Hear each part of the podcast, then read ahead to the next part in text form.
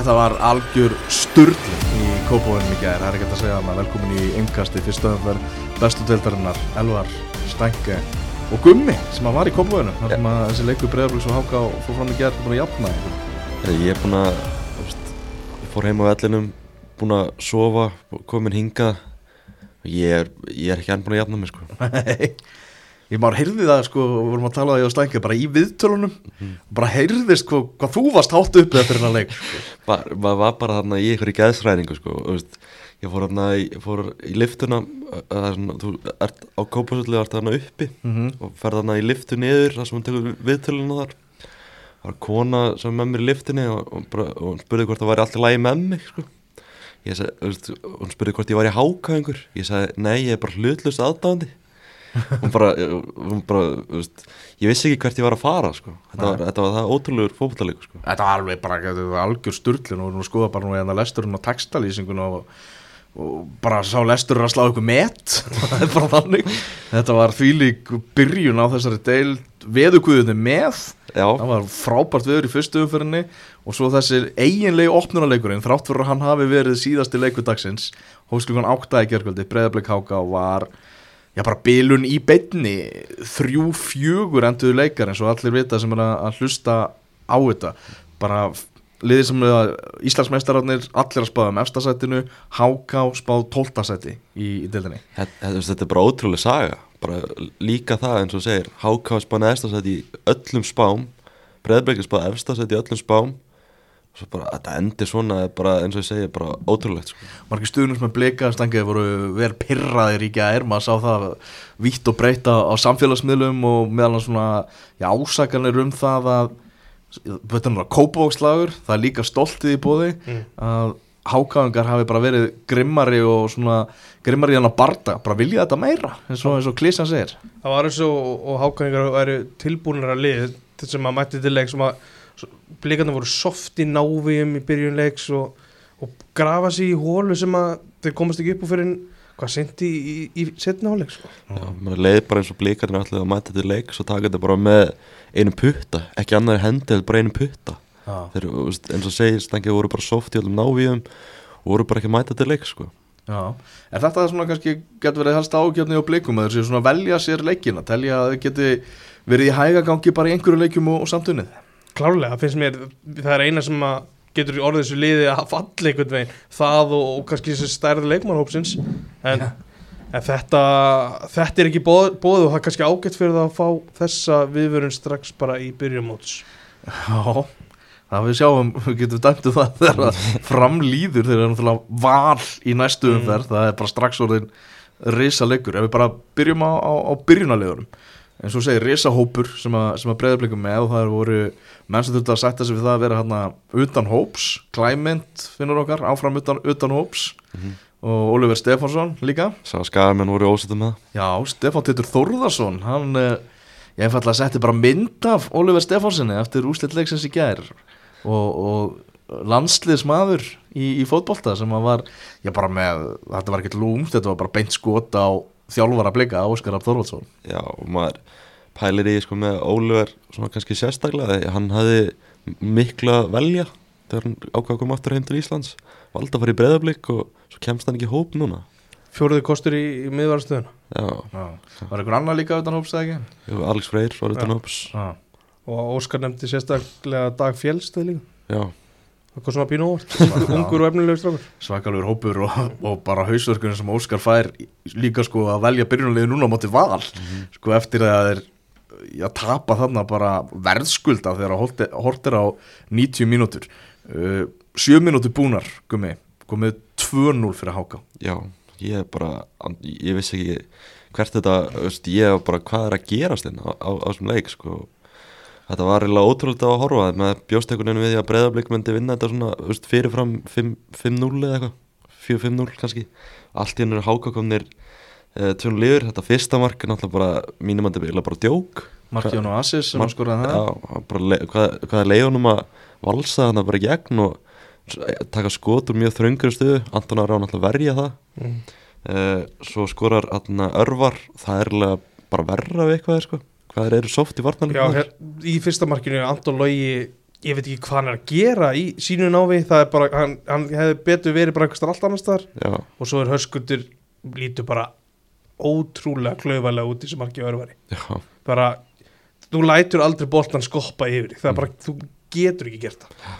Svo færi að bara komast þannig og taka skot bara frábært finni sér þetta er frábær slútt en mistökin eru gerðar á undan. Já, þetta er alltaf bara kemur upp úr, úr markspinn já, akkurat Blikar hérna komast inn í leikin á 74. minúti hvernig var þessi kapli bara frá því að Háka var komið í 2-0 og fram á því að blikarnir náða minkamunum mér fannst bara háka verjast alveg ógislega vel. Og veist, Patrik Jóhannes sem færði hann tvö færi í, í fyrirlagnum til að skora uh, hefði átt að skora báðum þeim færum, en annars voru blíkanir ekkert að ógna mikið, sko, þeir náðu litlum takt í sin leik, uh, leikplan háka gekk fullkomlega upp og mér leið á þeim tímabundi þegar, áður en blíkanir skora, rétt áður en skora þá mér bara eins og háka var að fara að vinna hann að leik 2-0, sko, það í blíkanir voru ekki að fá neinn færi til að skora. Hann einu sinni í setnálegnum þar sem Amat þarf að bjarga á línu eftir hotspinnu það var eiginlega bara í þessum fyrstu leikatriðum sko þar sem, hák- sem breyðablík var ógna. Það var einu sinni þannig að það var markið kemur þar sem við ná að reyfa boltan hratt og, og sækja þess á hákagangan ná að spila sig aðeins í gegn á en annars voru hákagangur bara að verjast frábælega og blíkanir funda engin svör sko. Mhm.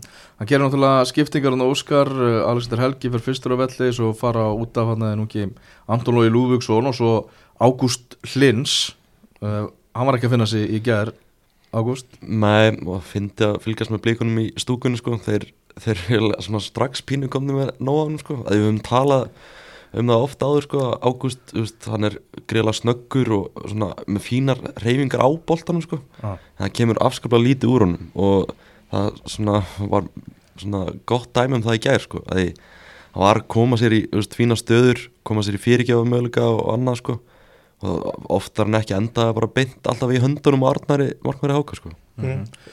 bara þessa breytingar elvar, svo ég stoppið aðeins annað ah. mér, mér finnst þess að ég hafi séð þetta svona mjög svipaða breytingar hjá mínu liði á Englandi í- á þessu ári, Manchester United. Þetta er, það var eins og hann að vera leiðrétt að jafnvægi í liðinu, fannst mér.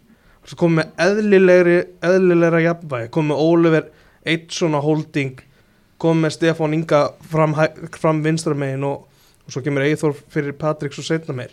Og já, það þetta var svo mann fannst byrjanlega skríti á breyfliki Mhm. og ég veit ekki veit ekki hvort það sé tengt að, að eins og eins og þessi leikur mútið vikingum hafi látað að halda þeir getur bara unni hvaða liðið mitt sem er með, með litla butta sko. Þetta er nákvæmlega þess að ég skrifaði hérna hjá mér að uppstillingin var mjög skrítin mm. uh, ég skrifaði hérna eitthvað verkefni með Ágúst Eðvald það kemur ekkert út úr honum Já. og svo, þú veist, spurningum að setja Stefán Inga bara í byrjunlið að hann veist, breytti leiknum þegar hann kemur inn á já, svona daði, ég veit veist, hann hlýtur að vera eitthvað tæpur ég glemdi að spyrja út í það eftir leikin hann, Já, hlýtur hann bara er, að vera- hann er að koma úr meðslum sko. hann er komin með Íslum, Já. hann á alltaf verið í þessu byrjunlið spurningum bara líka að færa Patrik það út á kant og hafa Stefán Inga upp á topp eða þá hafa Stefán Inga út á kant og Patrik upp á topp Mm. ég held að það veri málið sko. hafa þá Viktor Karl á miðinni eða Já, klárlega. sást hvað breytist mikið þegar hann fór niður miði sko. bara kemistri millir hans og Gísla á miðsvæðis er bara það upplugt Mm. og Gísli er, er svona líkitinn í öllum mörkun mann finnst svona hæfileikum Viktor segna bara sóðu á þetta kanti og kom svo lítið út, útrunum þar sko.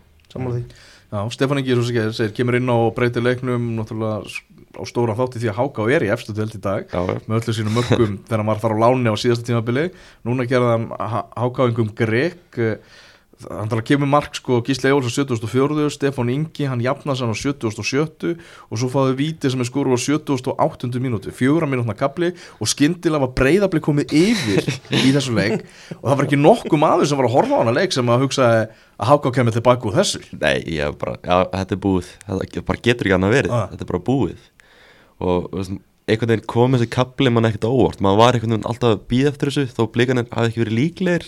að verið þeir skora, þá var maður einhvern veginn alltaf að býða eftir þessu. Og, og ste, eins og sagði hann, Stefán Ingi kemur hann inn og breytir svolítið leiknum, hann á frábæran kaplaðana gott að tísti sem Valgir Valgir sett inn á mann, bara senda hann aftur til bandaríkjan já, já. hann vildi ekki sjá hann vera að skora komandi hákást gefið honum vegabröðu sitt aftur til bandaríkjan Já. Eh, hann er frábæk gafli á, á blíkum og, og, og þeir komið sér aftur í leikin eins og Óskar sagði eftir leik, tóku þarna augnablíkið en svo færði þið bara að háka á- aftur sko. Já, hvað fa- fannst þér um þetta víti?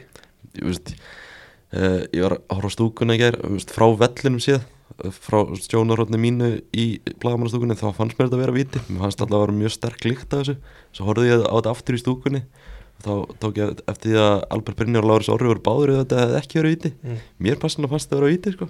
Já, ég tek Og undir ert enn, á því já, Ég er enn á því að þetta sé víti sko. ég er enn á því sko. mér fannst e- Eiður allir sem var annars bara hann mjög fínn í leiknum Mm. sko. mér fannst hann bara virka klaufalegur hann Já. bara all, veist, allt einhvern veginn með, með hvernig veist, staða var komin hann upp sko. mm uh, 89. mínútur sem staðan honum 3-3 þegar Höskvöldur Gunnlaugsson verður fyrir því ólána að skora sjálfsmark náttúrulega bara sparkað í hann boltanum í hann og inn. Þetta var náttúrulega, var Stefán Ingi já, ekki? Stefán Ingi. Já, sem alltaf reynsa Já. þegar hann að darra að dansi í teiknum sparkar í fyrirlega sinn og inn í marki þannig að Bliki skoraði og Bliki átti stóðsendingu Já, eins og við tölum við bara ótrúlega engum með Stefán Inga, hann er með mark, fiska víti og svo stóðsningu á sjálfsmark. Já, Þetta er rosalegt sko. En bara ótrúlega klaufalegt mark hjá blíkunum og ekki eitthvað sem er svona, eh, bjóstu að sjá frá þeim sko. Já, trilltist allt í stúkunni. Svo kemur þetta í uppbóta tíma skráð hérna á 94. mínútu þar sem að Eithor Völer er með boltan hjá, hjá blikum mætir hérna nýkomin inn á sem varamæður Tumi Þorvarsson. Köngulóa maðurinn með köngulóar tattoo. Heyrðu, hann mætir hendi sér í tæklingu, vinnur boltan á bara geggjaðan hátt. Mhm. bara meðast þessi tækling einhvern veginn bara svona yfir allt, alla heldina vera eiginlega moment leiksins sko. Já, klárlega sko. því að skyndilega eru þeir bara komnir í, í hvað, fjóra bóti tveimur hákaðingarnir. Og þá ákveður þarna, annar varamæður Alli Þór Jónasson stóra og stæðilegur að bara láta vaða ekki nota görn í kringu sig. Hann sagði nú í vittalegu þegar hann hefði farið bara eitthvað svona blackout í þessari stöðu ákveða að taka skotið skaut í gegnum Anton Arrá í marki og þetta reyndist sigumarki í leik, hvað var þetta? Ándjóks sko. Hvað fótballleikur var þetta? þegar, gæðin kemur inn á Alli Þór Jónasson kemur inn á hann á 79. mínútu í stöðunni þrút fyrir breðabliki Ándjóks í fréttamannastúkunni þá, þá talaðum við svona á þessi gæði virkilega að bjarga þessu fyrir ákanga svo er þetta bara eins og eitthvað Hollywood handrit þessi eins og segir Tumi Þorvason bara gæði sem er mjög engin nema að hákangar hafa hýrt um kongulega maðurinn kemur hann inn á á þessa ótrúlega tæklingu allir, fær einhvern veginn boltan fjóri og tveir hann, hann er ekki að horfa á neitt nema á marki sko. Mm. og lætur vaða einhverjum 20-25 metrum og endar í markinu. Þetta er ótrúlega dæmi sko. Eins og ég segi þetta er bara eins og eitthvað Hollywood handrit sko. Sko alltaf skoti var ekkert sérst á tjánum og þetta er bara skildu markvarsla allan daginn hjá Já, já. Antoni Ara sem átti, átti hauskúpuleik. Þetta skrifast bara á hann sko. Já, Það eina sem var gott við þetta skot var að þetta var fast. Já. Það er eina grasi var orðið líka svolítið blöytt eftir mm. smá rigningana þannig að þú veist, hann munaði svo litlu að allir Þór hefði orðið svona semiskúrkur að liðsfélagarnar í kringum hann hefði bara hvað varst að gera Já, sko. ég talaði líka við Artur Ara hann var að hugsa sko, hann sagði mér hann hefur að hugsa það þegar hann tók skoti sko. Hann væri eittan á kantinum. Hvað, bara hvað er þetta að gera? En þessu betur fyrir virka þetta. Já, eins og segir Tumi Þorvarsson hann stimplaði sig inn uh, 2005 mótel með köngulóa tattúið sitt með þessa svakalegu tæklingu og svo kemur þessi Alli Þór Jónasson tvítugu strákur sem hann var að skora grimt í fyrra fyrir hamar í hverakerfi í fjórðu veist, hver er að skrifa þetta handrið, svona andjóks. Þetta er bara gali dæmi sko. Gæði sem er að spila í veist, spila í fjóruðudeld með hamri í fyrra koma inn í fyrsta leiknum í bestu deldinni að skora í nágrannslag á móti breyðabliki óvantasta sigri sumasins sko, umræðan svolítið á háká er bara, þú veist, þau þurfa sóknamann mm. þau sóttu þennan sóknamann úr fjórðu deildin í vetur og margir voru bara hvað er háká, á hvaða vegferð er háká í, í þessum málum en bara Rósa á háká, Rósa og Ómar Inga Mm. bara hvernig hann, sem mikli hákáingur sem að já, fátt sem að honum finnst skemmtilegt að vinna breyðablik, mm það er- það er klárt mál. Leggur hann að leiku upp í sinum fyrsta leik sem aðalþjálfari í, í efstu til uh, hvað hann var með svona falska nýju? Já, allir hann var að spila sem fyrst nýja, ég held, einhvern veginn að örvar myndi vera fremstur en svo var allir hann að spila í einhverju svona, já, og ég segir, svona falskri nýju. Já, Mér langar svo mikið að, að vita hvernig þetta gekk fyrir sig á baku tjöldinu hókaðu sumar með alla hvernig, þú veist, bara ákveður að sæna þennan gæða, þú veist, hvernig fundu þér hann? Það er samt ekki, það er ekki rosalega erfitt og horfir á alla sjá, sjá hvað er sjá í hann því að hann er alltaf risastór Hvernig er þessi gæði ekki í körfubólta? Já, þú veist, hann, hann er með bara eiginlega, bara horfir á hann og ímyndir hann sé bara hrár fótboltamæður það er fullt sem getur gert við hann en auðvitað þarf hann að sína því eftir deild og, og byrja nokkuð vel. En, en þetta, er, þetta er alveg skrokkur sem er alltaf hægt að nýta eða bara virkir hann rétt sér það, sér það líka bara í hotspunni hann er svona í kringum þetta og skapa hann að nusla sko. já, bara stór, sterkur og býr til svæði kringu sig það, er, það mun nýtast þeim ákveðlega sko. og Ómar Ingi þjálfari Háká, hann kom við hjá Hamri á sínum leikmannaferli þannig að kannski ég var svona hann er með tengingar. Já, alltaf verið að gjóa kannski augunum aðeins í, í hveragerði sko. Já, mér finnst líka gaman með, tölum með hann, tum, Tuma fá svona karakterinn í deildina bara einhver sem er að treytmarka sem, sem kongulóða maður já, það er ógislega gaman. Já, já, með kongul og tæklingu bara þetta já, þessi, eins og segi, bara þessi leikur þú veist, Klísjan frábær auglýsing fyrir deildina, hann fá þessa sprengju bara í fyrstu umferð. Og ég, svona, við fyrir náttúrulega hérna leikinu á eftir en mér finnst þetta einhvern veginn svona fyrir mig sem hlutlösan stuðnismann í, í þessari deild, hlutlösan áhuga mann þess að mínum menn fóru niður í, í fyrra. Mm. bara ég var að skoða úslitan og ég hugsaði bara þetta er svona upp á spennustíð og skemmtanagildið það voru þetta bara, bara bestu úslit sem hægt var að finna nánast í þessari fyrstu umferð. Já, þú veist, líka bara hvað eftir hennar leik, bara hvað getur maður sagt? Maður er bara, þá maður sé búin að segja helling, þá er maður bara eiginlega orðlega sko. mm. ef við verum aðeins að tala um örvar samt í svona leik mm -hmm. mannleiksins hann var gössanlega frábær og þegar þú nefnir þú búist við að sjá hann frammi ég skil þá pælingu. En eftir að hafa bara hort á leikin þá skil ég að enn betur að hann var á móti höskuldi sem að er mjög viljur að fara upp völlin því að örv, örvar er sennilega snegst í leikmanni til það getur ekki sagt það? Jú, það að- mest íþróttamæður að mest íþróttamæður er með að- frjál, frjálsýþrótta bakgrunn Já, og, þú veist, hann, hann er svo júnik leikmann já, þetta er alveg rosalegt og hann er fann að bæta þessu leik sem að geta klára að færi almennilega. Þetta slútt er náttúrulega styrla sko. Já, á bara á vinstri og hann já, svo var hann nálætti líka að fiska raukt spjald á, á Damir og, Akkurat. og leikarnir réðu bara ekkert við orkuna sem var í honum í þessum leik. Þetta er klálega það besta sem ég hef séð, séð frá hann sko. já bara langbesta. Já, Artur Arið, hann var nummið tvö hjá þér í, í mannleiksins. Maður sá það líka, hann hefði mjög gaman að mæta hennar leik, mæta þessum gömlu félögum og bara virkilega flottur á miðsvæðinu. Þetta, hann og Alli Arnarsson svona djúpir á miðinu, fannst það virka vel í þessum leik. Mm. Ég ætla ekki að það er kannski leiðilegt að vera að punda eitthvað á, á hérna Antoni Ara en hann, má ekki, hann getur ekki tapa fleiri stigum bara, bara upp úr þurru. Nei. Það- Fyrsta marki er á honum, finnst mér. Mm -hmm, og síðasta marki er það líka. Ég veit ekki það af því að hann, hann he- hefur svolítið verið í því að taka út mistökin á, á undirbúrstíðanbölunum Núna kemur þetta inn í fyrsta leik og það getur bara reynstýrt Já, þannig að það er að tælja upp ansi marga ef við ætlum að tælja upp þá sem að allir vombriðum í þessu breyðabliksliði heldur betur, ég skrifaði nokkra í skýsluna það voru ansið margir með svona, eins og nefndir And Anton Ari kemur svona fyrst upp í hugan bara, ég skráði tvö mörg á hann sko, það á bara að vera þannig að, á að gera betur í þessu fyrsta marki og í fjóraða markinu. Hann gefur það eiginlega bara. Uh, svo Patrik Jónesson hann góður á mati vikingum um daginn en þetta var alls ekki leikurinn hans. Átt að skora tvö í fyrirháleik og annars sást hann bara mjög lítið. Svo varstu með Ágúst Lins eins og við tölum um á hann kom ekkert út úr honum, nákvæmlega ekki neitt uh, Anton Lagi Lúðvíksson átti að erfið að leika með henni. Var, var mjög slakur í þessu fyrsta marki sem Ágúst skorar. Alexander Helgi átti erfiðan dag. Arnó Sveit, veist, maður gæti talið Já. endaleg sko. Já, þú varst uh, skrifað nú upp hana, komment með Damir Mumínovic hana, fyrrum daginn. Kristján Óli var að tala um það að hann- hefði verið í vörnina móti Bosníu þá hefði aldrei fengið okkur þrjúmörk Ég samt, ég samt trúi því alveg enda sko Damir, hann elskar andrúslofti í Bosníu sko. Já, ég trúi því. Já, það er alveg, alveg punktur sko. en þetta var bara mjög skrítið og, og ég er ákaflega spenntur að sjá hvernig byrjunarlegi verður hjá blikum á sunnudaginum á val. Já, Hvernig- og hvernig hópurinn verður. Hvernig hópurinn? Já, En hversu mikið lesum við, að- við lesum við þess að framist að háká? Að þeir voru að mæta breyðabliki á Kópavörsvelli í fyrstu umferð sem nýli.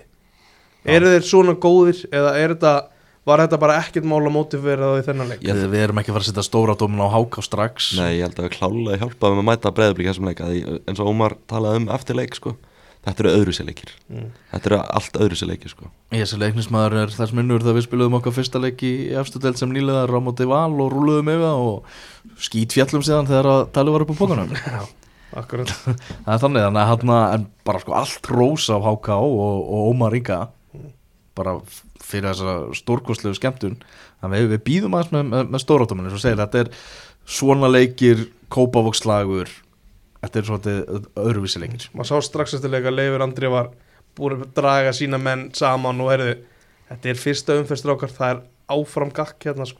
Já. þetta er bara þrjú stíð sko. og þetta er engin úslitaleikur eða neitt þannig það er bara eins og segir fyrsta umferð sko. Þrátt fyrir þessu úslit þá tel ég blika en þá séu stránglegast í þessu móti þegar að þegar, þegar á heldurinn er skoða eins og segir, þetta er, þetta er fyrsta umferðin Mhm. en alvöru tuska að, að fá svona og, og ímislegt sem þarf að, þarf að vinna úr hjá, hjá breyðabliki maður sá eiginlega bæðið það besta og það vestra á breyfliki þú sér fimm minna kaplaði sem að allt er on koma þrjú mörg. Þetta tekur enga tíma. kerði yfir háká já, og svo bara missaður hausinn algjörlega sko. já, umræðan um stóra hópin og bara vandamálin hjá Óskar Hrafni að, að, að halda öllum góðum og allt þannig það er svolítið svona bensín á, á þá umræðu eftir hann á fyrsta leik. Já, og hann sa, við kendum bara sjálfur í viðtalið til leika þetta væri, var, hann sagði að þetta væri umulegt já, það þurfa að skilja menn eftir utan hóp sko. Já, þetta er erfitt fyrir hann að taka þessu ákvörun eftir, fyrir hvern einasta leikin svo að samaskapi eru blikanir í þrejum keppnum og með hálit markmiði þannig að spurning hvað þið gera þannig glukkin lokar. Já, ég held að það verði fyrst vissin þegar að ef að menn haldast endalust heilir. Þetta var er strax þægilega ef einn og einn eftir út sko. Svo, er- svo er líka það sko, Daví Ingvast er og, svo- Kitty Steindór sem og Steindór sem Já. meittur þannig að hópurinn er, er ennþá stærri sko. Já, en bara þessi þrý sem voru utan hóps í ger nákvæmlega, svakalegu leikur í kópavunum í, í gera, bara leiðilegt eitthvað að, að fara úr honum Já, og, og í annan leik en, en við verðum að gera það. Já, við þurftum eiginlega að vera bara með heilan þátt fyrir breyðblik ágóð sko. Valsmenn hófu bestu dildina því að að vinna IBVF í gær 2-1 á Origo-vellinum og á línunni er Sverrir Örn Einarsson sem að skrifa þennan leik fyrir, fyrir okkur á, á, á .net. Sangat Sigur, Sverrir? Helt yfir, nei, ég get ekki eiginlega sagt það, þannig sko. Já, Hérna, valsmenn voru dabrir í fyrir áleik og geta þakka Fredrik Skram fyrst, og- fremst fyrir það að hafa bara verið 1-0 undir í áleik. mm. Eigamenn voru ótrúlega sprækir í fyrir áleik og já, bara gerðu valsmennu lífið leitt.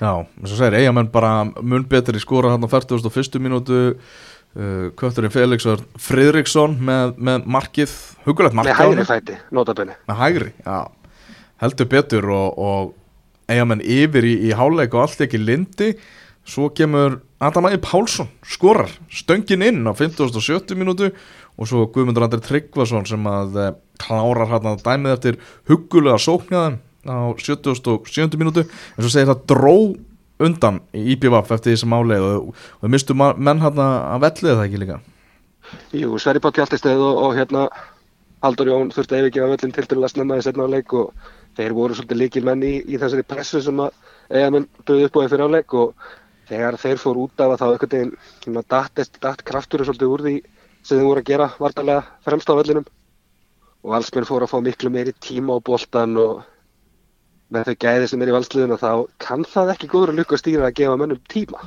Nei Þannig að Filip Valencic sem að hefur fengið svona mikið lofa á undirbúnstímabilinu var hann svona ekki alveg að finna sig í gæri eða? Hann heitlaði mig ekki, ekkert sérstaklega í gær. Nei.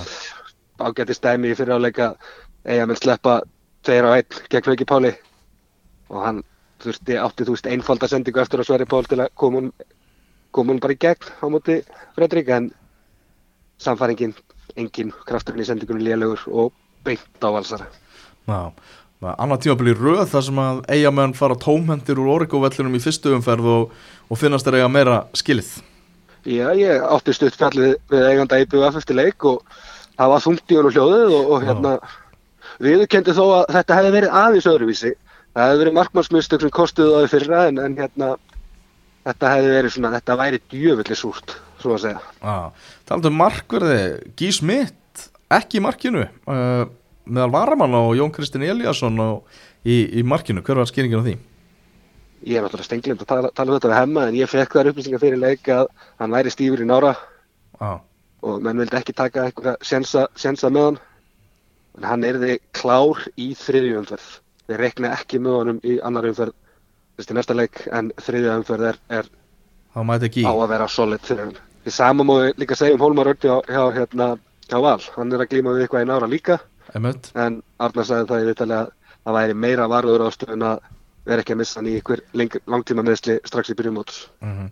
og segir að einstaklingsgeði vals að við, að við ráðið úrslutum í þessu leik er bara fyrst og fremst þessi sending hjá Arni Jó í, í segumarki vals að, að ná að þræða nálar að í hlaupaleðina fyrir Tryggva sem að átti síðan einfalda sendingu á Guðmund sem að skoraði í tómt markið.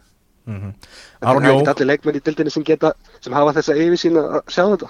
En já, Aron Jó hefur það svo sannlega.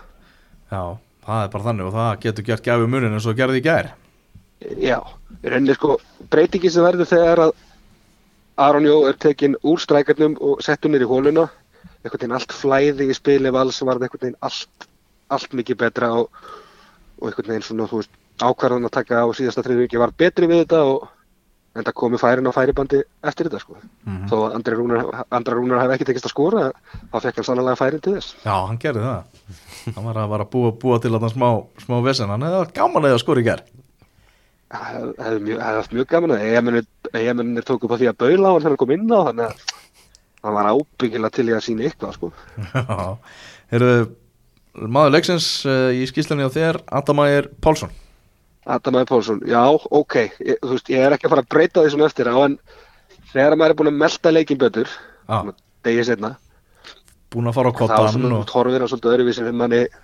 Fredrik Skram náttúrulega bara frábær í markinu fyrir áleik og já, bara á, á þakkitar skildar fyrir það að valsmenn fóru bara eitt mjög undir inn í hálfleikin Elva Freyr Helgason í hafsendurum sem er leiðis í setna áleik þessi leikmenn svona þú skinnur svolítið út í gegn en það er auðvelt að leita í Adamægi bara, bara út frá karakternum líka og hvernig hann er. Mm að við sógum svolítið á honum svona eftir svona leiki. Hann vill vera í þinguðinu og, og það er bara eitthvað gaman að gefa hann það líka. Já, það er bara þannig. Og hún finnst það gaman en já, Fredrik Skram, hann er bara besti markmaðurinn í þessari deilt ekki, ekki spurning sko. Já, bæja mæl, svo maður segir bara eins og er. Bæja mæl, það er bara þannig. Eru þið með eitthvað spurningar á, á Sverri? Hvað fannst þér um marki sem að Adamægir skoraði? Var, setur eitthvað spurningamarki við Jón í markinu? ég held að það sé voðalega erfitt að allast þess að menn fara að verja, verja góð skot sem enda í stönginu og inn sko. En ég set frekar spurningamerki við varnarleik íbjöð af því að Adam Meyer fekk góðar 4-5 sekundur til þess að leggja boltan fyrir sig áður en hann létt vaða. Mm. þannig að skrifum þetta frekar á varnarlínuna frekar en markmannin Ég er með eina spurningu. Sverrir, hvað finnst þér um aðna móttuna sem hann er með reyðas er að vinna með? Herðu, Hermar Hreiðarsson er náttúrulega bara þá bara veita mannunum heiðisvelun móttum hans bara svona eftir á strax. Það er bara spóla tilbaka inn í mars aftur hverju var ekki talað um þannig mann á þeim Þetta er rosalega móta, hvernig gekk þið bara að halda einbyttingu og varst að taka viðtal við hann? það var bara hrikalega erfið það er bara, mér langaði bara, ég horfði bara hann er með, hann er með, hann er með mústas hann er með mústas þetta er bara, en það, var einhver breyti á leiknum, einhver, einhver gammal aðdáðandi frá Pompei sem er bara, hann var starströkk að sjá hemma og ég held að það hefði aðalega verið út á skegginu sko. Þetta var, þetta var rosalegt sko. Bara breyttin í þessu Sverri samt hjá IBF Hvað finnst þér að þurfa að styrkja sig? ég held að við getum alveg sagt að IBV þarf að styrkja þessi sennilega í öllum stöðum breytin, breytin varnarlega kannski ekki eftir sérstök en ég hef pínulittar áhugur aðeins sóknarlega samt sem áður að því að eru þessi leikmenn Sverri Páll þarf að stíga upp og vera sóknarmann nummer eitt í bestundaliði er hann klár í það? Það er svolítið stór spurning. Þú fara alltaf þína leiki frá, frá Haldur Jón Sigurði Þórðarssoni nokkrið en er hann nógu stabilt til þess að geta verið aðalmaður yfir heilt tímabil? Það er alveg stór spurningamerki í þessu íbjöðafliði sem að svona Sko já, veist, þetta er svolítið endurtekning á umræðunni en veist, það er alveg ástæða fyrir því að umræðan er svona, þeir eru með litla breytt, þeir eru, það er mikil orka sem fer í þetta hjá þeim og þegar þeir eru að missa menn af velli og er, það líða fyrir á leikina, þá hef ég bara svolítið áhugir af þessu þeir eru ekki með nægilega góða menn á, á bekknum. ég bara síndi sér í gæri einhvern veginn allur kraftur datt, datt úr sóknarleiknum þegar að Sverri Páll og Haldur Jón fór út af með stuttum millibili. Þeir eru náttúrulega með sko með Alex Freyð þarna á, á miðunni að, að dreifa spilinu og vera svolítið svona leikstjórun í þessu. Að, að, að vera með góða menn frammi veist, væri gulsíkildi fyrir það því að Alex Freyð er alltaf að vera að geta búið eitthvað til. Mhm. en ef þú ert ekki með slúttara sem maður getur tekið á móti því að þá, þá getur verið í þessinni. Já, þeir þurfa að fá Arnar Breka inn sem fyrst. Ég held að það sé alveg samt eitthvað í hann. Ég held að sé eitthvað smá að við verum á hækjum bara fyrir stuttu allavega þannig að það er klálega maður sem að myndi hjálpa þeim. Al, alveg hygglust ef hann, ef hann tekst að finna, finna sama takt og hann gerði fyrir það þá, þá er það gulsíkildi fyrir, fyrir IBF Mhm, En bara svakalega stert hjá Val að byrja þetta á, á, á sigri. Þetta var einhvern veginn veist, sama með hvað hætti það er gert Það bara þurfti þessi leikur að vinnast á heimavöllum út í IPVF og, og þeir voru alveg meðvitar um það að þetta geti orðið banana hýði. Það var IPVF voru að fara að mæta í flugi inn, í- inn í þetta mót. Já, ég tek hattun ofan fyrir, fyrir alla greita þess að, að hérna, já, bara liðin í rauninni að tala með þetta eftir leik að, hérna, fyrir áleikurinn hafa ekki verið nú góður og menn voru fljótið að skrifa þetta á, á taugar og, og stress og menn hafi kannski verið komin svolítið fram úr sér. Eins og Haukur Páll sagði bara óskup já, bara hár rétt hjá Hauki Páli menn þurftu bara að anda og slaka þess á. Já, einbeita sér að sínu leik og spila fótbolta og sást líka bara setna leik að, þegar menn voru búin að stilla sér saman og, og ná tökum á, á stressinu þá, þá var, þetta, var þetta bara nokkuð þægilegt fyrir valsmann, valsmenn. Sverrir, bara takk hjá fyrir þetta og við byrjum að helsa kleinu. Takk sömulegis þeirra búin að hensa á móti. Í Garðabænum munu byggamestara Vikings eh, 2-0 útisigur, hann mátti stjórnunni Nikolai Hansen og Oliver Ekroth með mörkin uh, sannfærandi og sangjant Stengi, þú varst í Garðabæn Já, þægilegt er orðið sem ég myndi lýsa þessu með. Mm. Þetta er Já, mér varst þess að Arnar vera í þessu leik meðvitaður um að vera að stilla upp sínu besta liði eftir að hafa ekki stilt upp sínu besta liði á móti breðabliki hann kemur inn með með Matta Villa og Pablo inn á miðjuna. Þetta er bara allt annað stál einhvern veginn. Og þeir voru mér fann, ég, ég hef þessi skrýta sem mér varst þetta svo að væri svona fullvaksla karlmenn á móti bara yngri, yngri mönnum, kjúklingum jafnvel svona á tímabili allavega hjá stjórnunni líkamlega yfirbyrðu voru bara miklir. Já. og það hægt að róla það bara sildu þessu nokkuð öruglega í höfn. Já þess að segja, þægilegt. Þetta var bara, þetta var eiginlega aldrei aldrei vesen sko. Þú vilur Davíð Örn Allarsson mann leiksins. Já, og hann átti náttúrulega að loka á Ísak Andra Sigurgesson sem að eh, æla allir að spá því að verði valin efnilegast til leikmaður tímabilsins. Mhm. já. Sé bara næstur út í aðdurum sko, deildinni. Hann var með hann í, í vasanum. Ísak á eitt moment í þessu leik og þá er Davíð komin út úr stöð missi boltan í, í návi við Guma Kristjáns og, og Ísak kemst upp, það er eina eina momenti sem Ísak fær í öllu leiknum Mm. Davíð var bara með hann með hann í vasanum og var að tækla, tækla boltan þú veist frá honum í einn og einn stöðum og, og va, hann var hættulegri fram á við heldur Ísak Andri hinum einn Mm. sem að segir, segir mikið sko Hann snakka, mér langar svolítið að spyrja út í það sem gerist fyrirleik Já. Fæstu ykkur á skýringur á, á því? Ja? Nei, ég fekk enga skýringar Gústi Gilva allavega vissi ekki af þessu þegar ég spurði hann í vittali bara skýrslan var bara röng hjá stjórn ég, þetta er fymta sumar held ég mitt sem að ég er að skrifa hjá .net. Og ég hef aldrei séð þetta. Ég, ég hef lendið því að skýrslu komið seint kom ekki út fylltar ég hef aldrei séð tvær breytingar á liði eftir að fyrstu skýrslu er bara skilað inn sko. Það er alltaf að reyna að blöffa eitthvað það hlýtur að vera.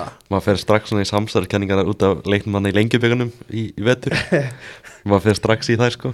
Já, ég ætlaði að mæta svona og, veist, þegar ég heyri, ég, ég heyri þetta bara þegar ég kem á völlin og að liðið sé ekki eins og það hafi verið eins og ég setti það upp í hérna, bara stilti upp byrjuninu hvernig ég held að það væri skilur, Já. það væri ekki þannig að því að það væri tveir menn sem að voru sem voru skráður bekkin sem voru í liðinu. Sko nú þurfa dómarar að undir þetta skýslur og allt þannig, þú mátt ekki vera að breyta skýslum eftir á, ég veit ekki alveg hvernig reglunar eru í þessu, þetta var bara virkilega furðulegt. Og hann og eiginlega svolítið kjánalegt með það hvernig leikurinn fór eða þau voru eitthvað að reyna að spila eitthvað bluffleik og, og síðan voru bara vikinga miklu betri. Já, mér finnst það, það ég, var með, ég var með þá kenningu á meðan leikurinn var í gangi að, að Ísak væri tæpur hann fær krampa í leiknum fyrir eitthvað snemma. Uh, og svo er heiðar fyrsti maður út af. Þannig að hvort að þeir, þetta eru þeir tveir sem kom inn í lið eftir þessa breytingu á skýslu þannig að mjögulega voru þeir eitthvað tæpur þó að Gústi hafi nú ekki viljað meina það.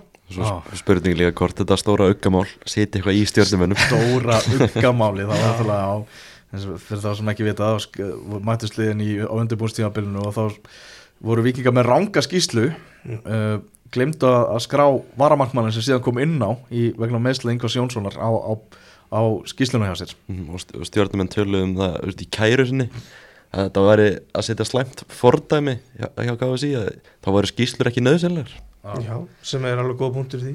Var ekki líka svona skýslu smá klúður þegar að Farid Sato spilar í, í mjölkubyggarnu svo. Hann var ekkert komið með leikjamild Þetta er, þetta við erum að gera þess betur fyrir sko, þessu, þetta er svolítið sjópulegt sko. Já, við þurfum aðeins að keira upp fámennskuna í þessu. Við talar um hann kallar á móti krökkum. Já. Pablo Puniet, hann hlýtur þá að njóta sín ansið vel þegar að það hann, hann hefur notið sem vel í þessum leik hann elskar einhvern svona barning og, og keira menn svona í gang. Ég veit ekki alveg hvernig er þetta lýsa honum best því að hann er náttúrulega hann getur verið gjössalega óþrónd af velli. Og við höfum allir síðan bara veist, getur verið tuðandi í anstæðingum og í dómurum og láta menn heyra það. En hann, hann í svoleiðis mómentu finnst mér eiginlega alltaf veist, koma út sem veist, vinnir í leiknum. Leikin sem að hann gerir þetta í vikinga vinna hann næri bara að keira eitthvað með einn svona smá geðvik í gang sko. Mhm. hann elskar þetta og þeir söknuðu hans ekkit eðla mikið í byrjun síðasta tíðanbils hann var, mínum mati 2021, það fannst mér að hann var besti leikmaður lýsins Kári, við völdum held í Kára og, og Níko Hansen var auðvitað hérna markaðistur en, en Pablo kom hann inn frá Kára og, og bara gjör breytt öllu fannst mér sko. Þannig að Hilmar Átni setur hann í, í vomdandag Hilmar Átni er svolítið leikmaður annarkvæmst vinnu stjarnan og hann er bestur á vellinum eða hann er í vondundag því, að- því að hann næri ekki að tryggja ef sigurinn. Já, þeir voru, voru allavega að verjast í, í 4-4-2 þar sem að Hilma var fremstur með svona ekkerti í, í, í vartanlegum og ekkert kannski út á hans pressu að sitja en þegar hann fekk boltan fannst mér bara hann ekki verið í neinum takti. Veit ekki hvort hann var á ekki finna réttu, fyrir réttu staðina sína en mér hefur Hilmar alltaf fundist bestur þegar hann er að draga sig út til vinstri og búa eitthvað þar til. En út á vinstra kantinum er auðvitað Ísak Andri það, þeir þurfa bara að spila sér saman sko. Já. þeir þurfa að ná að tengja og vita veist, hinn er á vellinu sko. Guðmi fyrir bara stuðnins með viking maður heyrði það að voru margir vikingar sem voru bara skítrættir einhvern veginn við hennan fótballtaleg það er búin að ekkert búið að ganga vel á móti stjórnunni og síðan náttúrulega voru þeir ekkert sérstakir í þessari mestarakefni Já, kannski svona skiljanlega var umræðan einhvern veginn farin þannig en þetta, þetta ég, maður er að horfa á skýsluna en þetta er alveg ógeðslega vel manna lið. Maður horfður bara ónóta varamenn með Arnó Borg og Viktor Örli til dæmis. Þetta er, þetta er alveg rosa góður hópur og gott viðtalið við Arnar eftir leik. Bara ekki, ekki svo á vikingum sko.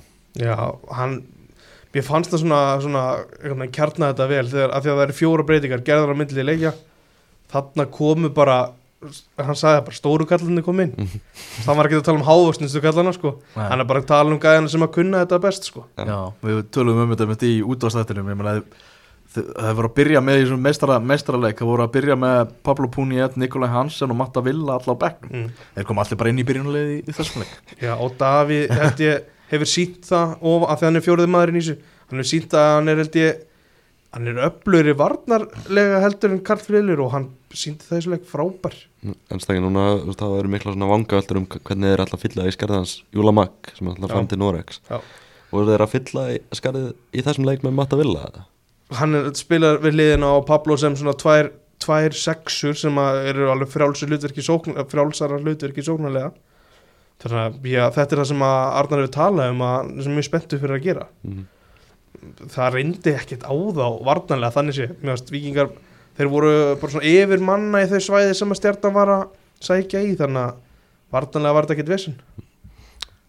Nei, einmitt.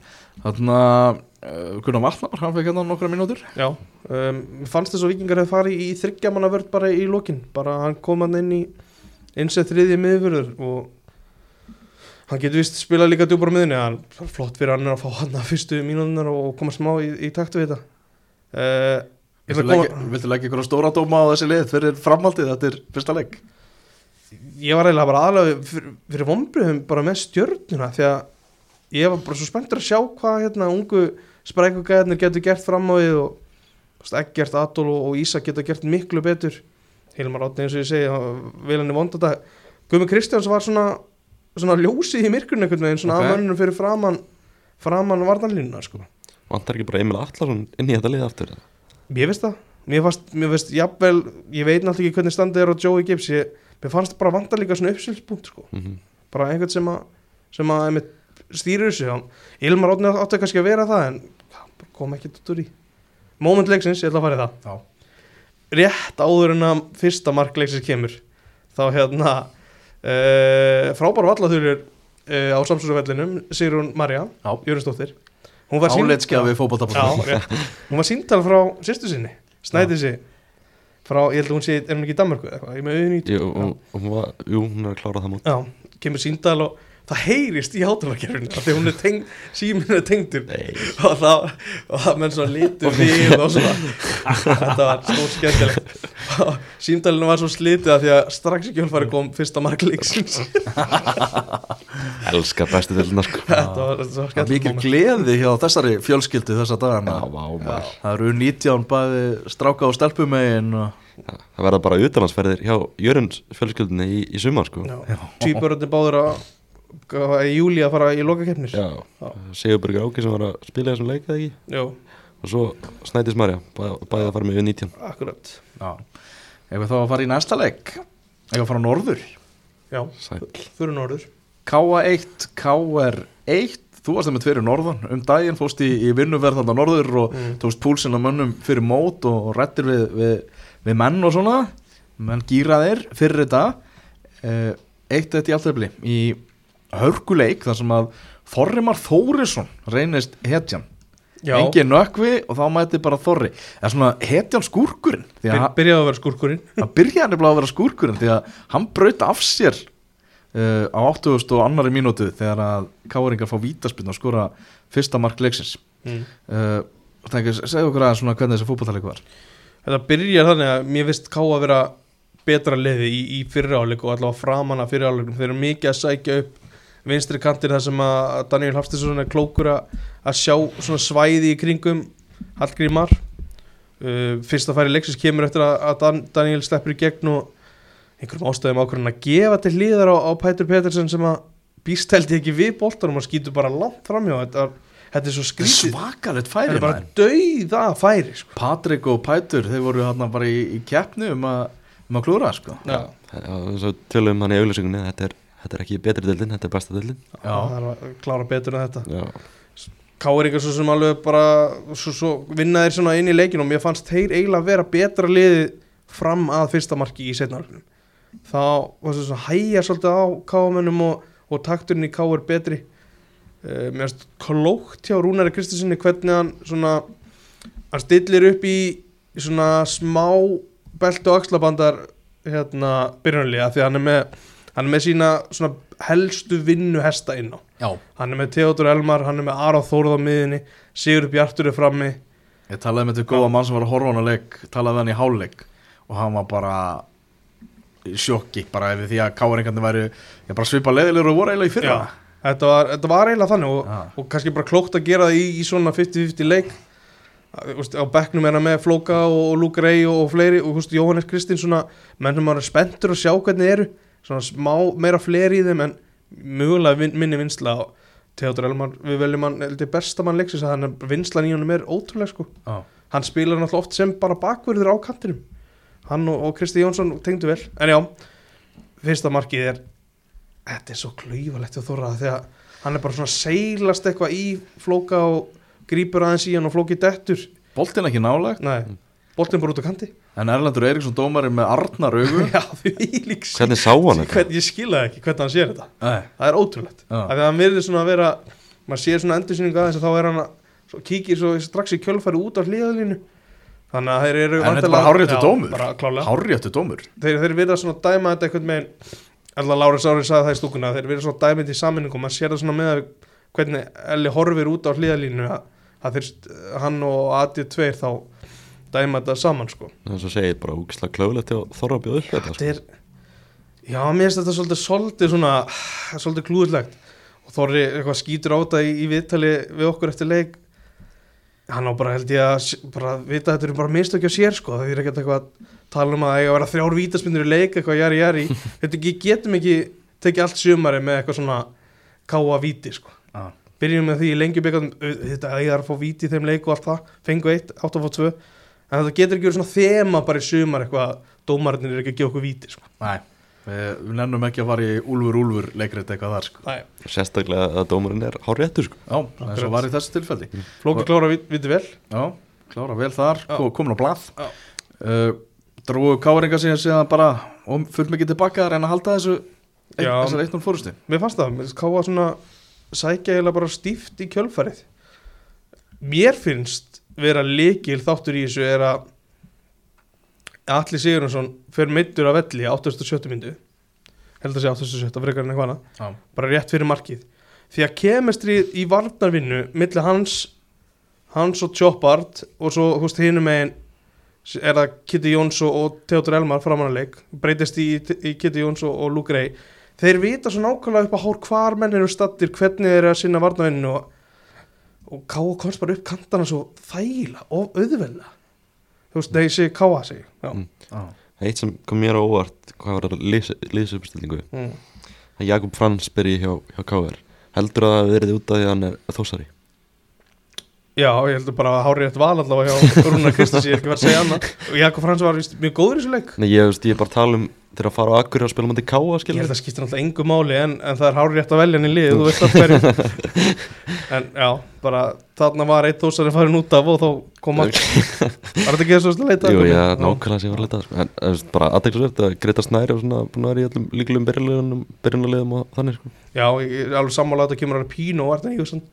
þetta var svona var mitt líklega, líklega vartanlína var svona Já, var svona Já, og, og hann, var, hann var að hérna, halda Finni Tómas uppi með við, það sem að voru á vellinum sko. þeir voru ekki hrifnir að Finni Tómasi eins og síðustu tíðanbíl sko.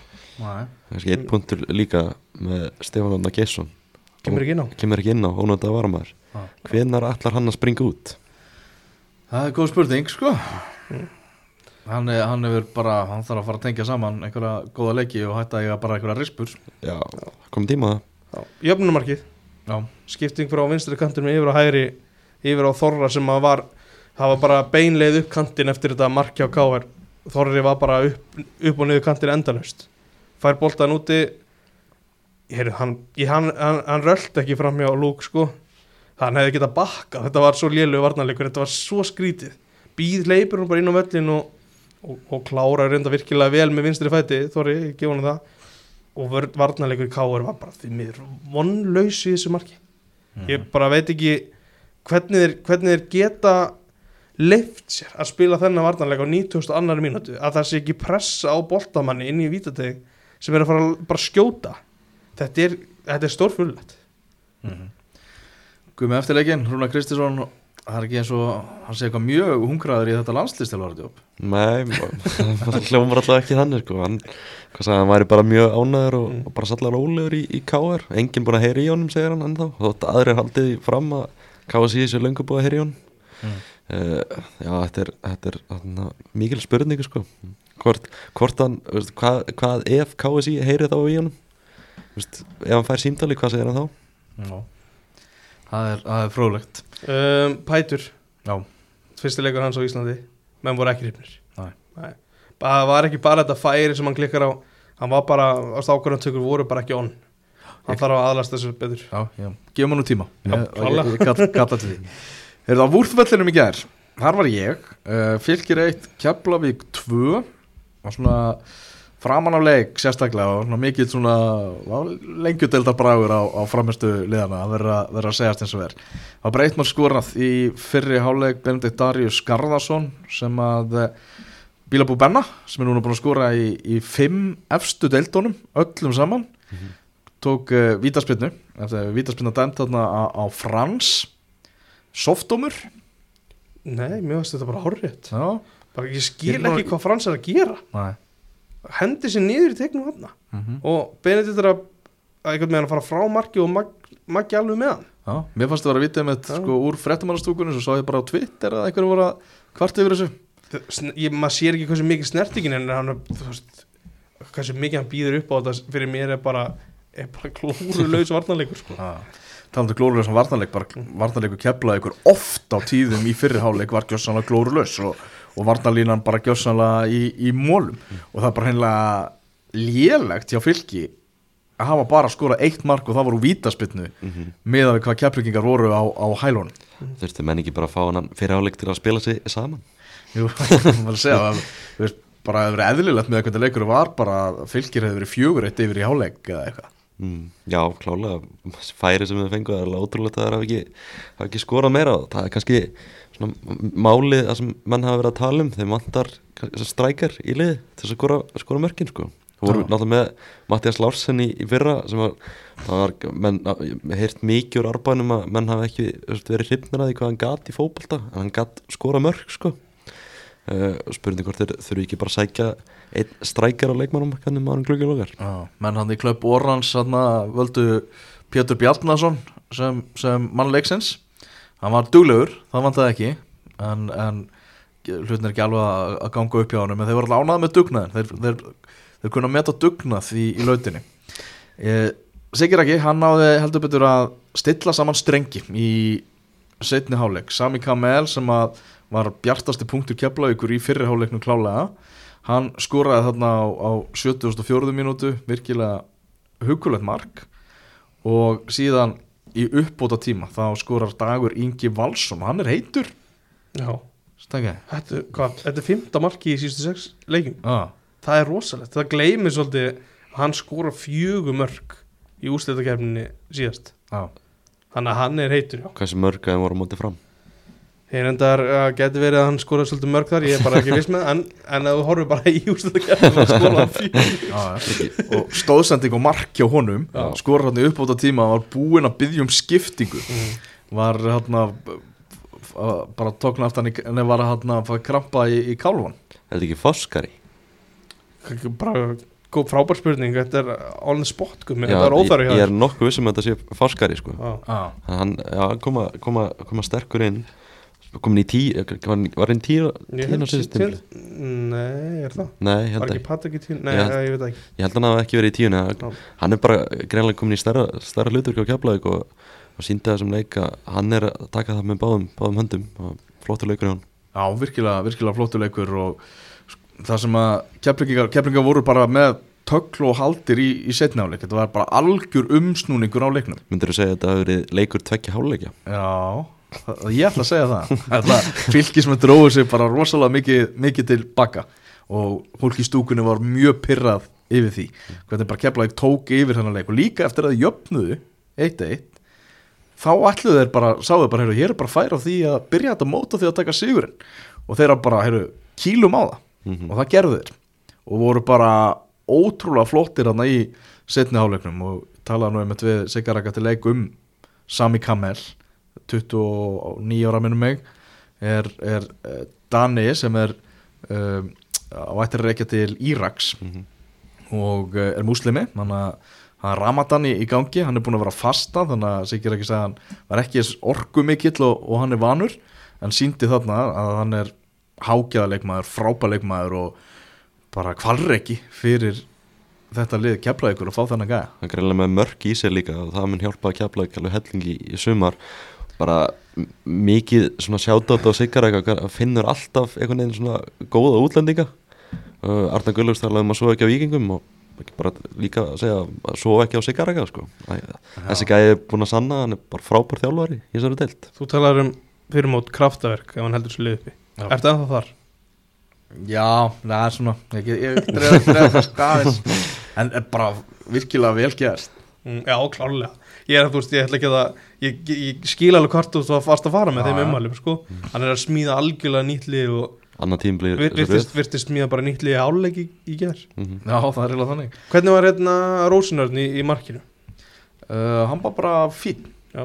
bara fínasta framistæða hjá, hjá honum og bara hjá báðu markurum Mm. það er svona ekkert yfir, yfir þeim að kvarta það er ríkalegu varnarleikur hjá fylki í þessum, þessum mörgu sem að, sem að keflaði skorar en uh, líka sko nú við erum búin að tala um og allir að spá svona þryggjalið af fallbaróttu Mm. fylgir, keflaðik sem eftir innbyrðisana fallbaróttu slagur í fyrstu umferð og svo háká. Og nú er náttúrulega fylgir þegar búið að tapa á heimavelli innbyrðisleikana þannig að keflaðik og, og háká strax komið með þrjú stig í svona þessari bara, þetta var vond fyrsta umferð svo vægt sér til orða tekið fyrir árbæðinga Já, afar vond og nú ver- verður þessi umræði búin að vera svolítið á, á lofti sístu vikur, sístu mánuði. Verður Rúna Páll ekki að sækja eitthvað leikmenn áður en glungi lokar eða. Þú veist, það er talað um að hann vilja ekki fá leikmenn inn. Verður hann ekki bara kynkja stoltin og, og sækja 2-3 leikmenn, styrkja þetta aðeins? Já. Birgir Eithórsson fer mittur á velli fekk hann eitthvað höfuhögg og lendi tvísvar í eitthvað samstuði. Uh, fyrir að fara mittur á velli eftir 16 mínútur og ég var nú að tala við fólk hann í orbanum og þeir vilja bara menna það að besti leikmaður fylki sé Birkir Eithors þannig að það var ja, áfall fyrir þá að, að missa hann af velli. Heldur betur fyrir ekki Nikolas Val veikur út af í hálfleik eða eitthvað? Er búin að vera veikur eða eitthvað? Já, hann fyrir, fyrir út af í hálfleik Mm. þannig að já, var, þetta var, þetta var vond fyrir fylkismenn. En þú veist að samanskapi, hvað segir það um, um fylki að Birkir Eithósson er besti leikmaðurinn þeirra? Já, Gæði sem er ekki gert neitt í efstu deild sko. Já það var að tala um svona, já, framistöðuna hinga Mm. til og, Já, og já. tala á undirbúinstíðabilinu og það dæmi sko Já, það sé ekki stærsti prófílinn, þá kannski á hann eftir að, eftir að verða það mm. en er ekki, er ekki það er svolítið ágefni að maður ég skal skilja það að menn séu kannski stressaðir í færum þegar þú ert að koma upp í bestu hús bet, betri deildeldur en þá lengjudeildin og bestu deildin hérna á Íslandi en ætti það stressa ekki svolítið að þurkast út og komin í 1-0, komin á blað þeir virtust bara stressaðir eftir að þeir komist í 1-0 Já. í færunum sín, Já, það var svolítið skrítið. Já.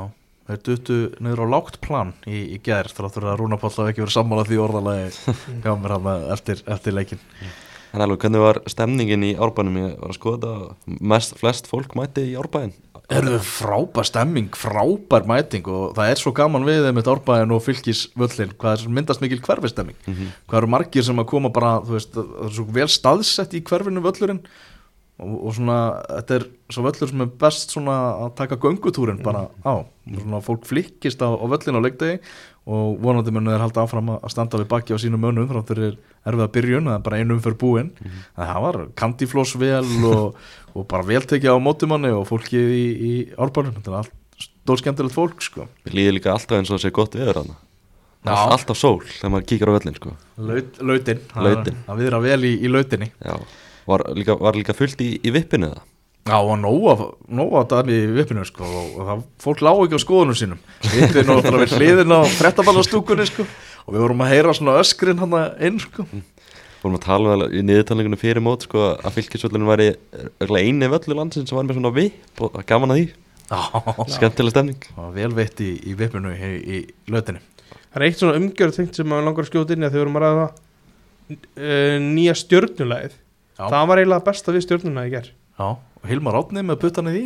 Það, er þvílík dramatík í þessu og þetta er svona, maður er alveg gæs og í, bara þegar menn eru að lappa inn á með þetta lag undir. Já, þetta er svo geðveikt sko, Það var svona einhvern Lord of the Rings feelingur Já. einhvern veginn í þessu lagi. Ég fíla þetta sko. Er þetta jafn gott og herra hnettuspjör það?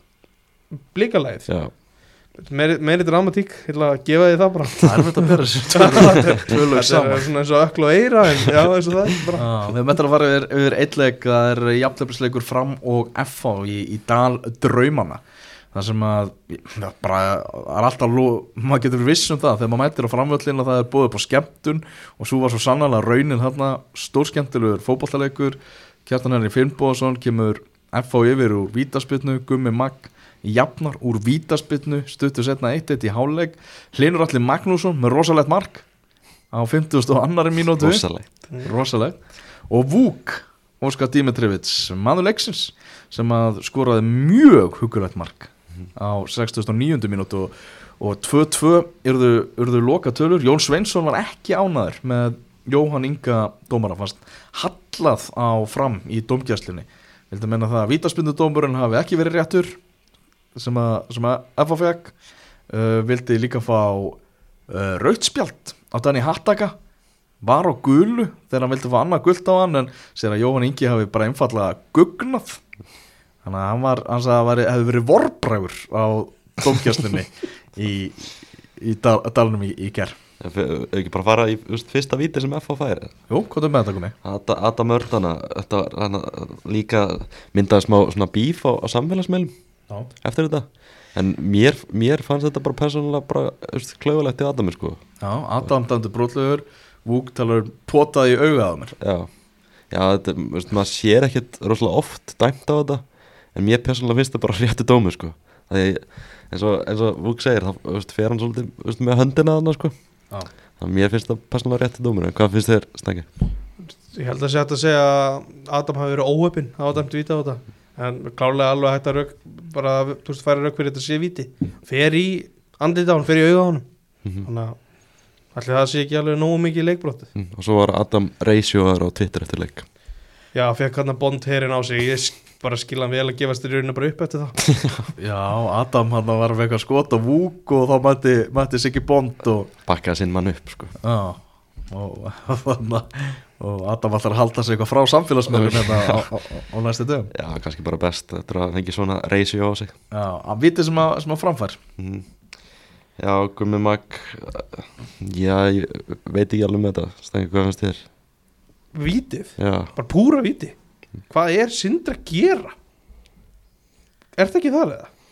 já jú, en, en já, ég veit það ekki sko Jannik á, mér finnst Jannik ná snert ykkur rétt á að Sindri tekur hann bara niður sko mm.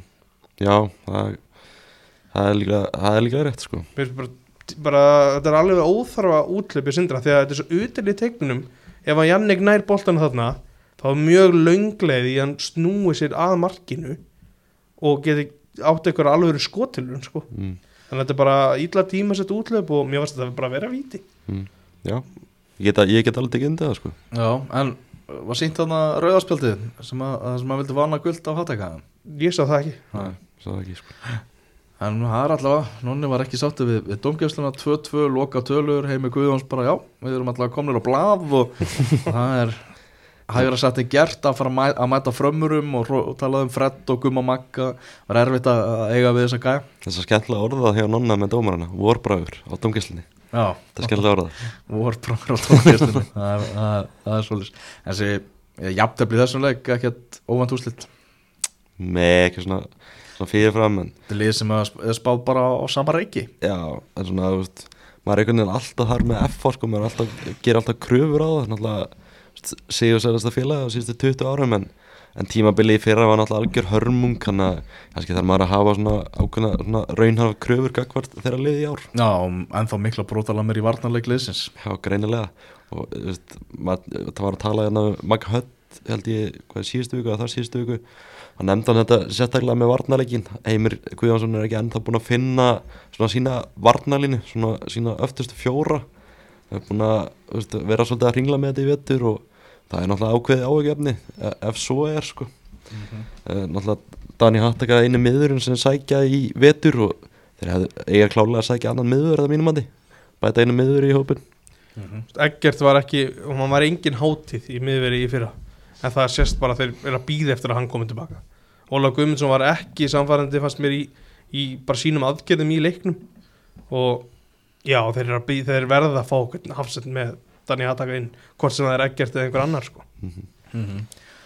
Já, kaplaskiptu leikur þar sem að 2-2 verðu loka tölur sem að bara svona sannkið niðurst það Já, er það ekki bara? Jú, en þannig að eitt Vúk, já, þýlíku leikur hjá hann og já, maður svona, hlusta á heimi Guðjóns í útasendum í vetur hans sem hann talaði sérstaklega um Vúk og sagði bara hefði ekki kannski búist við eitthvað rosa miklu frá hann þegar hann kom til félagsins sko, hei, þegar heimi tók við.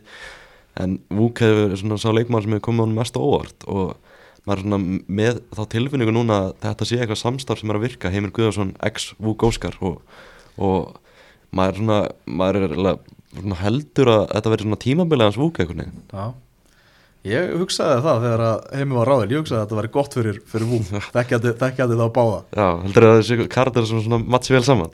Já, og eru ólíki karakterar en það er, það er svona það, ég hugsaði að þetta geti, geti smóllið sko.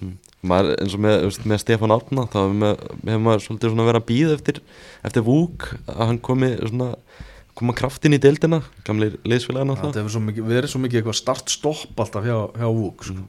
Það er búin að vera gang, vonandi heldur það sér bara algjörlega frá okkur um meðslavandræðum og, og veikindum og eitthvað sem hefur verið svona alltaf einhvern veginn svona hraðahindranir sjáunum eftir að hann fór í AFA ég held, held líka, þú veist, sjáum bara annað, þú veist, sjáum markið sem hann skorar hvað er ógeðslega mikil gæði í þessum gæði sko. það er bara, fer, fer illa með varnamann framara, þú veist, varnarleikurinn ekki frábæraðna en, en hann bara fer svo illa með það og bara virkilega, virkilega gaman að sjá þetta sko. Hann talaði um það, ég veit alveg að bara gott að hafa nágóði undirbúrstímbili, hann er að bara koma á flugin í mótið sko. mm.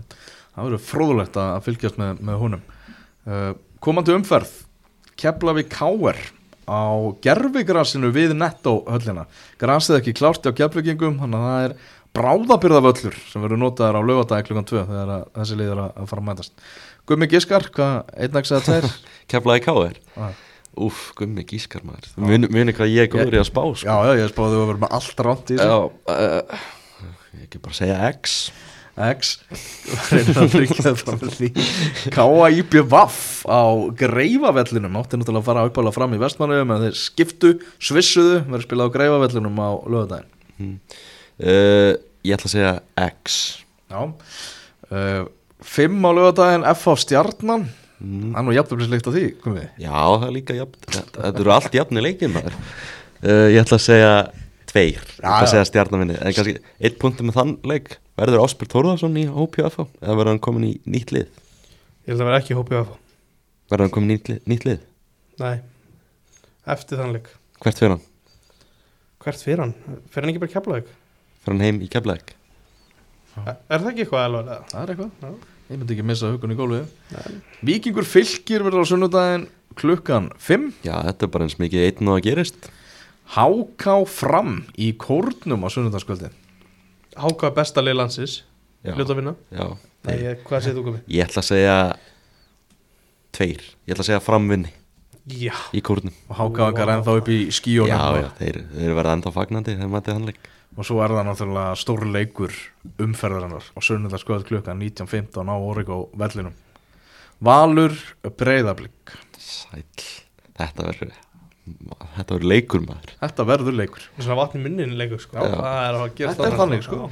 Ég ætla að segja að þetta verði X.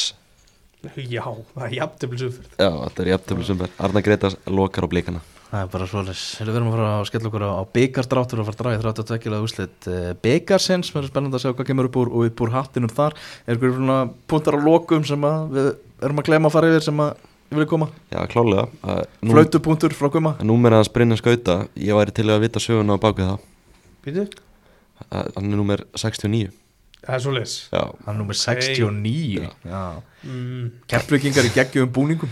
Já, þú voru nettir. Rosa útlenskir eins og, sagði þetta er svona vikingstafangri eitthvað. Mm, já þetta er skemmtileg mjög búningar sko. Mér finnst valsbúningarnir líka mjög flottir er svona, þeir eru að vinna með kragan Sjáttu þetta á stubbin Kemur vel inn í markið á káa Já, Gerir vel, bara hann er að fara að verja marki núna í fyrstu 3-4 leikjum allavega. Já, Þarf öruglega, þarf skilur innan gæsalba að spila sig út úr markinu myndi ég halda til þess að missa sæti sitt sko. Eins og sagðir Elva líka áðan bara er gerir deildin ennþá áhugaverðari, Breiðablík vann náttúrulega fyrstu átta leikina í fyrra sko. Já. Og svo núna er þið búin að tapa í fyrstu umferð. Þetta verður ógeðslega spennandi og, og gaman að fylgjast með þessu. Já, ég get ekki beðið strax eftir bara næstu, næstu umferð. Hver er leikmaður umferðarnar? Sterkasti leikmaður umferðarnar Ver, verður ekki að setja örvar eða? Ég er þar, örvar. Hver er skúrkur umferðarnar? Vá, Tóni Tóni, Anton, já Antonari, já setjum hann að hann ég held að ég var að vera að tala um annan tóna já, já, ekki, Þetta er alls ekki Tóni sem er að skrifa fyrir búin net sko, Því að hann fór á kostum á, í, á, í, draum, í dal draumanna í, í, í ger okkar besti maður. Okkar besti maður. Heyrðu engast þið verður að sjálfsögðu á sínustæðan eftir næstu umferð Það verið sæl